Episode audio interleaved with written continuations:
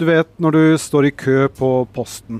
Kanskje du har en hentekode til noe du kjøpte på nett i forrige uke. Du lener deg litt unna dem som går forbi, prøver å stå med to meters avstand til de andre i køen, men det er travelt og køen går sakte. Etter 20 minutter er du endelig ute og kan gå i store buer for å unngå andre på fortauet eller parkeringsplassen. Men en uke senere får du en melding. Du må i karantene. Et scenario som dette er planen med statens nye smitteapp, som ble lansert i går. Det er en ny app som vil gjøre smittesporingen mer effektiv. Men kommer den til å virke? Dette er Forklart fra Aftenposten. Jeg heter Kristoffer Rønneberg, og i dag er det fredag 17. april.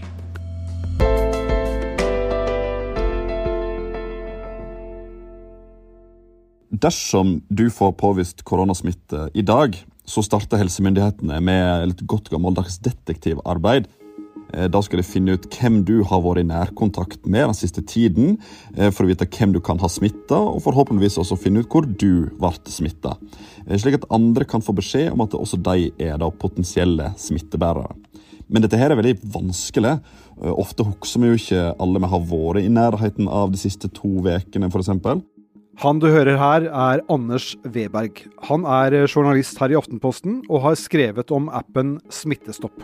Den vil ikke erstatte det viktige smittesporingsarbeidet som allerede skjer i kommunen i dag, men den vil være et supplement. Det skal være et tilskudd til detektivarbeidet og gi beskjed til andre som du har vært i kontakt med. Eh, men det gjelder bare dersom både du og de har lasta ned og bruker denne appen. Mm. Men Anders, hva vet vi om hvordan denne appen fungerer i, i praksis? For å gjøre det enkelt så skal de da bruke en blanding av Bluetooth, som er på telefonene. Det er noe som blir brukt til å overføre data trådløst mellom to telefoner. Og så bruker de GPS, altså da satellittdata, som viser hvor eh, du eller telefonen din er. Og Ut ifra dette så skal han kunne finne ut om to mobiltelefoner som har denne appen, har vært i nærkontakt med hverandre. Og her så betyr nærkontakt at du har vært innenfor to meter i mer enn 15 minutter. I praksis så vil det bety at dersom jeg har appen og tester positivt for koronavirus, så kan jeg gi beskjed om det i min app. Og da vil alle andre som har den appen og som jeg har vært i nærkontakt med, få beskjed om at de eh, har vært i nærheten av meg. Men Anders, bare så vi får dette helt klart. Det er snakk om frivillighet, ikke sant? Det er ikke sånn at eh, hvis du tester positivt for koronaviruset, så får eh, alle du har vært i kontakt med beskjed fra politiet om at nå må de i karantene ellers? Det er helt rett. Det er ingen som kan tvinge noen til å laste ned eller bruke en sånn app. Og også om du blir smitta og får påvist det, så er det ingen som kan tvinge deg til å gi beskjed om det i appen. Så myndighetene baserer seg veldig på tillit og frivilligheter. De siste ukene har det allerede vært diskusjon om og kritikk mot den nye appen før den ble lansert. Den ene siden av kritikken har gått på personvern, hvor bl.a. personvernekspert og advokat Jon Wesselås har vært en tydelig kritiker. Det er jo først og fremst uh, at man har bygget på at alle som bruker den, skal få sine bevegelser til enhver tid, hvem man er i nærheten av, lagret sentralt hos staten. Det er jo ikke alle som er komfortable med tanken på at staten skal vite hvor du er hele tiden.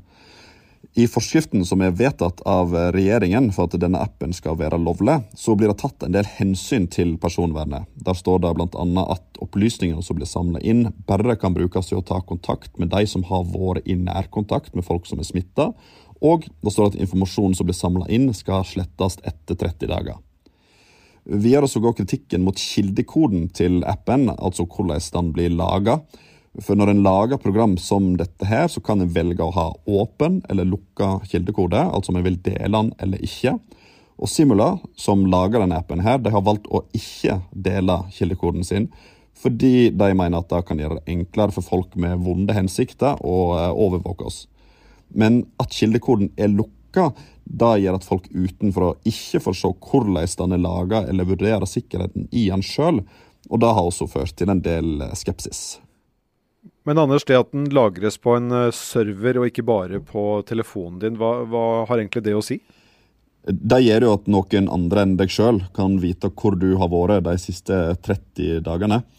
Ekspertgruppa som gikk gjennom denne appen i påsken, de konkluderte med at de ikke hadde noen problem med sikkerheten i appen direkte, men at hovedutfordringen her er hvem som har tilgang til dataene som blir lagra på, på, en server. Men kritikken her handler også om at de mener at det ikke er nødvendig å lagre det sentralt. At det er nok med å lagre det bare på telefonen din, eller at det eh, er nok å bare bruke Bluetooth alene. I påsken så kom nyheten om at Apple og Google, eh, to eh, enorme selskap innenfor dette, her, skal samarbeide om en løsning for smittesporing, nettopp for å unngå at sentral lagring er nødvendig. Og En tilsvarende app i Singapore har visst også klart seg helt fint uten å måtte lagre info eh, på en server. Men Folkehelseinstituttet de fastholder jo at de skal lagre disse dataene sentralt. Hvorfor, hvorfor gjør de det? Eh, FHI på sin side de forsvarer sentrallagring bl.a. med at det skal være nøyaktig nok eh, når de bruker både Bluetooth og GPS. Men samtidig så skal denne appen ha flere funksjoner enn bare det å gi beskjed til enkeltpersoner. Eh, I forskriften som er vedtatt, så står det også da at overvåkning på befolkningsnivå skal bidra til å se hvordan smitten sprer seg rundt i landet, og til å vurdere om de tiltakene som er gjort, faktisk har noen effekt. For personvernet isolert sett er det best å lagre data på den enkelte telefon og ikke bruke posisjonsdata. Men det gir små muligheter til å følge med på smittespredningen i samfunnet og gripe inn hvis viruset sprer seg. Appen vil f.eks. ikke bli brukt til å kontrollere om folk overholder regler om isolasjon eller karantene. Opplysningene om dine bevegelser slettes automatisk etter 30 dager, og du kan også når som helst slette disse opplysningene selv. Men hensynet til personvern er ikke det eneste som har blitt diskutert når det kommer til denne appen. For hva skal til for at den skal virke? Vi er straks tilbake.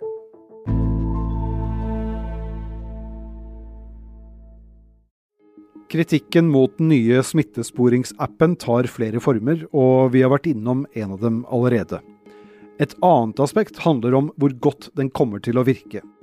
Det dreier seg både om teknologien og om nødvendigheten av at mange av oss laster den ned. Det er to hovedinnvendinger mot hvor godt eh, dette her vil fungere.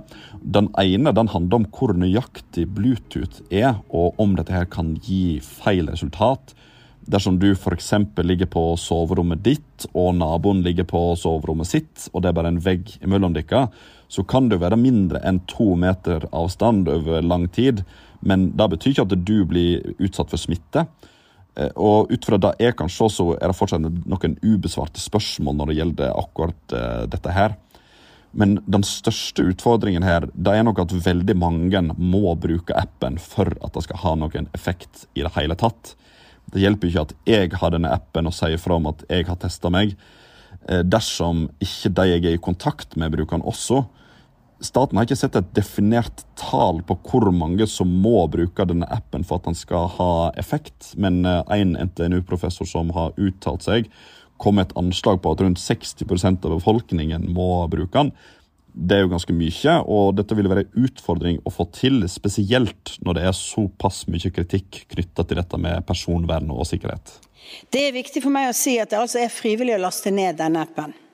Likevel så håper jeg at flest mulig vil ta den i bruk, slik at vi alle kan bidra til å begrense smitten, og at vi alle kan oppleve at litt mer av hverdagen vår kan tas tilbake litt raskere.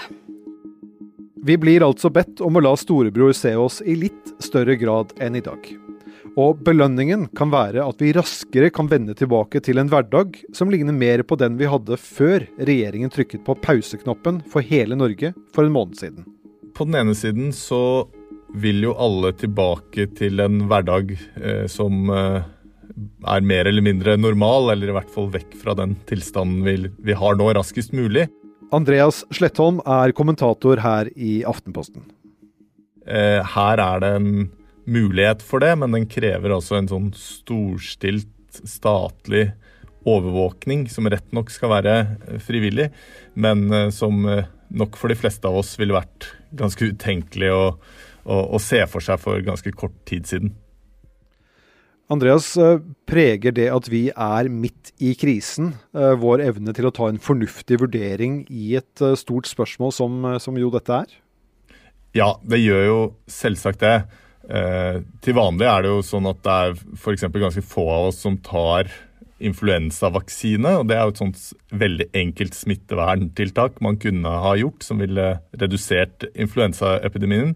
Mens eh, nå, fordi vi er en mye større eh, krise, så vurderer vi altså veldig mye eh, mer inngripende tiltak. Og så er det det vanskelige spørsmålet om eh, vi gjør disse vurderingene annerledes fordi det er rasjonelt i denne spesielle situasjonen vi er i, eller om dømmekraften vår er blitt svekket fordi vi er litt sjokkskadet av denne krisen.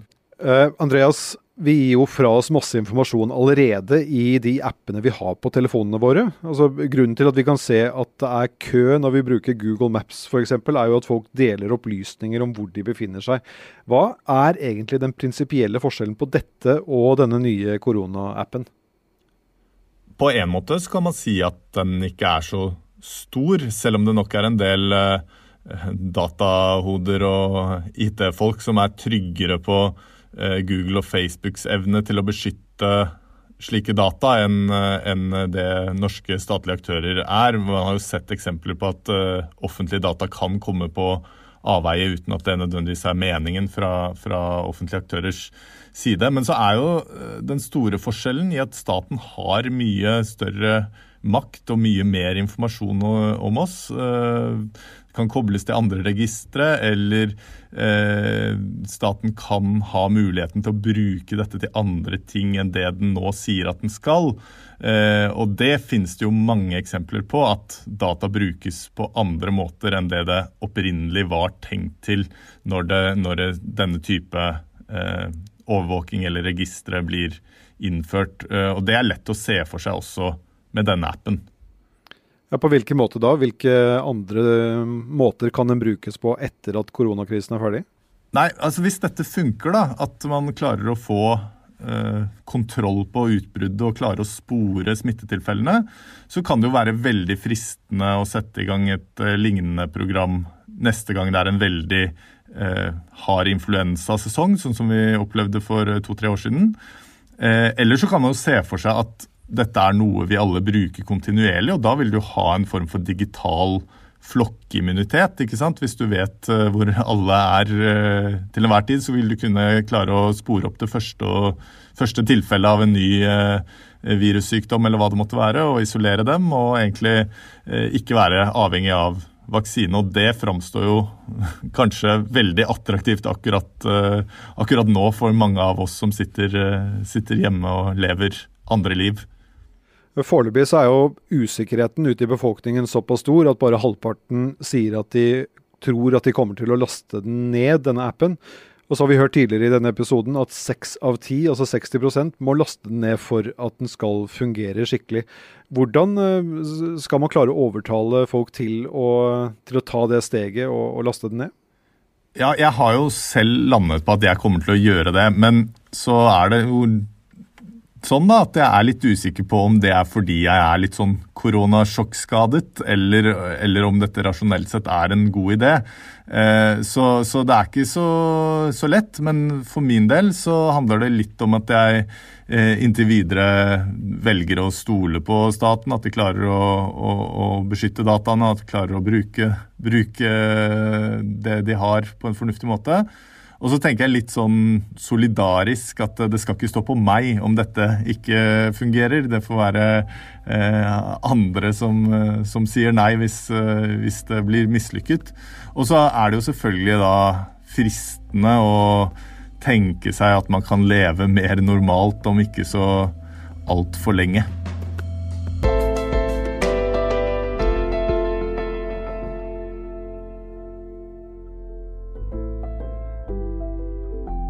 Forklart lages av Caroline Fossland, Anne Lindholm, Fride Næss Nonstad, Andreas Bakke Foss og meg, Kristoffer Rønneberg. I denne episoden har du hørt lyd fra VGTV.